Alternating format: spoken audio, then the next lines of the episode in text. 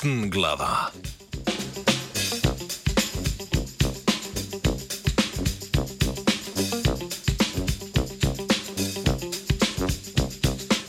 Kitajska raziskovalna skupina je podrobno opisala fosilne ostanke sorodnika modernih žiraf Disco Kerkis Šeče, ki je živel na območju Kitajske pred približno 17 milijoni let. Pregled kosti je raziskovalcem in raziskovalkam omogočil postvariti nekatera značilna vedenja te izumrle vrste. Odkritje pa ponuja tudi možno razlago za evolucijski razvoj dolgih vratov žiraf.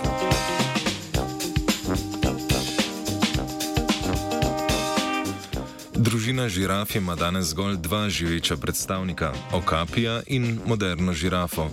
Drugače pa je bilo v obdobju miocena med približno 23 in 5 milijoni let v preteklosti, ko so po svetu hodili številni predstavniki te družine. Večina izumrlih vrst je imela napram modernim žirafam relativno kratke vratove, prav tako pa so pogosto imele izredno raznoliko oblikovano rogovje ter druge koščene strukture na glavi.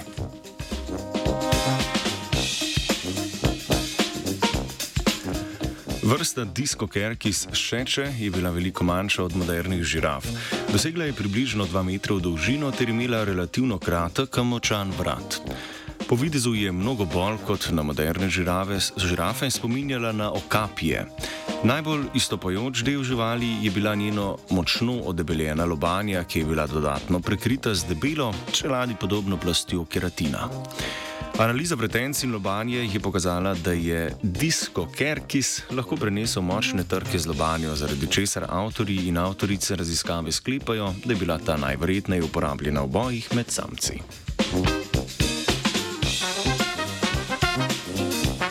Odkritje in opis vrste Discokerkis šeče ter primerjava z drugimi izumrlimi vrstami iz družine žiraf ponuja razlago nekaterih selekcijskih pritiskov, ki so vodili zgodnjo evolucijo žiraf. Večina vrst je v svojem zgodnjem razvoju prešla iz bivanja v gozdovih v bivanje v savanah, kjer so bile zaloge hrane neomejene. Ker so zgodnje žirafe zauzemale večinoma ločene ekološke niše, se sklepa, da je glavno tekmovanje potekalo med samci iste vrste. Razvoj značilnih lobanskih struktur pri predstavnikih družine žiraf je bil tako v prvi vrsti posledica znotraj vrstne spolne selekcije in ne toliko posledica tekmovanja z drugimi vrstami.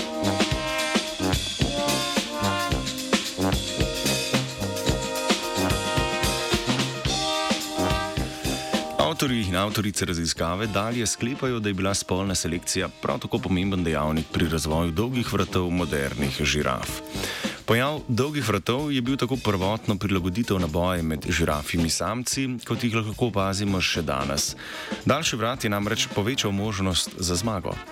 Hipoteza tako delno zavrača popularno tezo, po kateri so žirafe prvotno razvile svoje dolge vratove zaradi prilagoditve na obiranje visoko rastočih listov.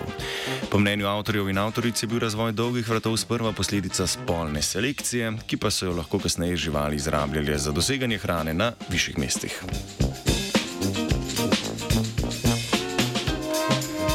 Da z žirafami ni dobro češen zobati mini, arne.